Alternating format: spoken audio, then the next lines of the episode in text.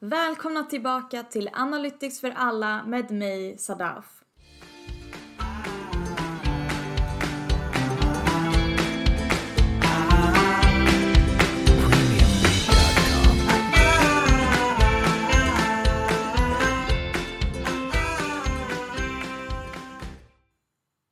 Äntligen så är det fredag och solen skiner till och med. Så jag kände att det här är ett ypperligt tillfälle till att spela in podden.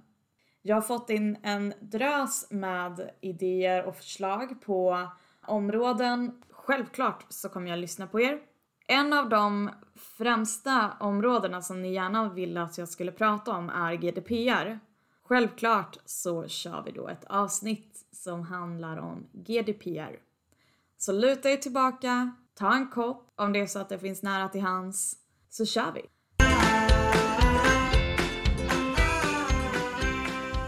Du har säkert redan hört talas om den nya europeiska dataskyddslagen, GDPR, som trädde kraft den 25 maj 2018. Men vad innebär lagen egentligen i praktiken? Och hur kommer den dagliga det dagliga arbetet för dig att förändras. Oavsett vilken bransch du arbetar inom så är sannolikheten stor att GDPR på något sätt har förändrat din arbetsdag. Anställda inom bland annat HR, marknadsföring, eh, rättsväsende och IT har behövt se över sina system, sina rutiner och hur man har arbetat med att samla in personuppgifter. För det är det detta främst handlar om.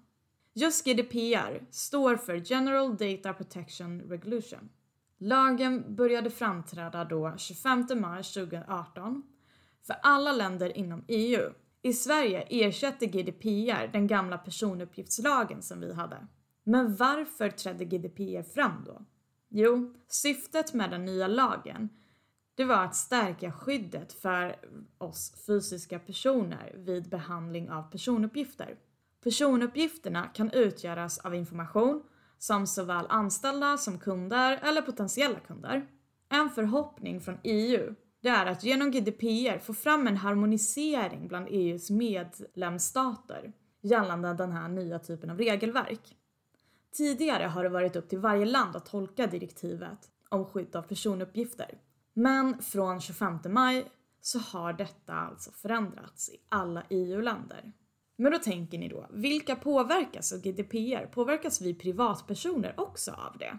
Även om det största arbetet ligger hos personer som arbetar med just rättsliga frågor eller IT-säkerhet så innebär lagändringen en fundamental förändring i sättet de flesta svenska företagen och myndigheter och organisationer har handskats med personuppgifter. Företag behöver bland annat informera hur de behandlar personuppgifterna idag, vilka uppgifter det är och varför för oss privatpersoner. Dessutom måste alla företag kunna känna igen sin data och alla sina system som hanterar vår information. Som privatpersoner så påverkas vi genom att dataskyddsförordningen stärker enskildas rätt att informeras om när data samlas in och på vilket sätt de samlas in. Vi kan, alltså, vi kan alltså ringa då eller kontakta ett företag och säga vet du vad? Jag vill inte längre att du sparar information om mig. Och då måste det företaget ta bort detta. Så vi har alltså rätten att bli glömd. Och dessutom som privatperson så påverkas vi genom att det kommer bli mycket lättare att slippa direktreklam. Därför att vi kan kontakta dem direkt och säga vet du vad? Jag vill att du tar bort mitt nummer. Många vill också veta vad som gäller kring bild och film i GDPR.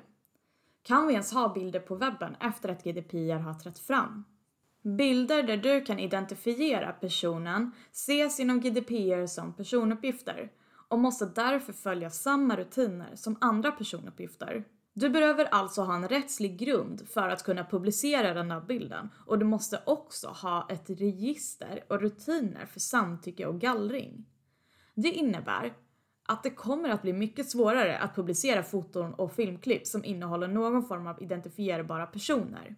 Men det kommer inte kunna vara möjligt att använda bilderna framöver. Tvärtom kan GDPR hos många bli det som äntligen får dem att ta fram en genomtänkt bildstrategi och börja arbeta med högkvalitativa bilder. Bilder och filmer kräver att du har stöd i GDPR för att publicera dem. Oavsett vilken grund du använder dig utav ska du, om det är möjligt, informera de som finns med på bilden om de blir fotade och att de kommer figurera på, det, på webbplatsen eller på hela sociala medier. Så det är faktiskt inte okej okay längre att, eller okej okay, okej, okay. det är längre inte lika enkelt att publicera en bild på en identifierbar person på sociala medier. Du ska också informera om vem de ska vända sig till ifall de behöver, liksom inte vill vara med på bilden. När bilden används ska du skriva upp att du använder den i registerförteckning samt ange vilken rättslig grund ni stödjer er på. Samt motivera det. Om någon hör av sig och inte vill vara med på eh, den här bilden i den digitala kanalen så ska den ta bort. Alternativt göra om så att personen på bilden inte syns. Dock är inte lagen solklar idag.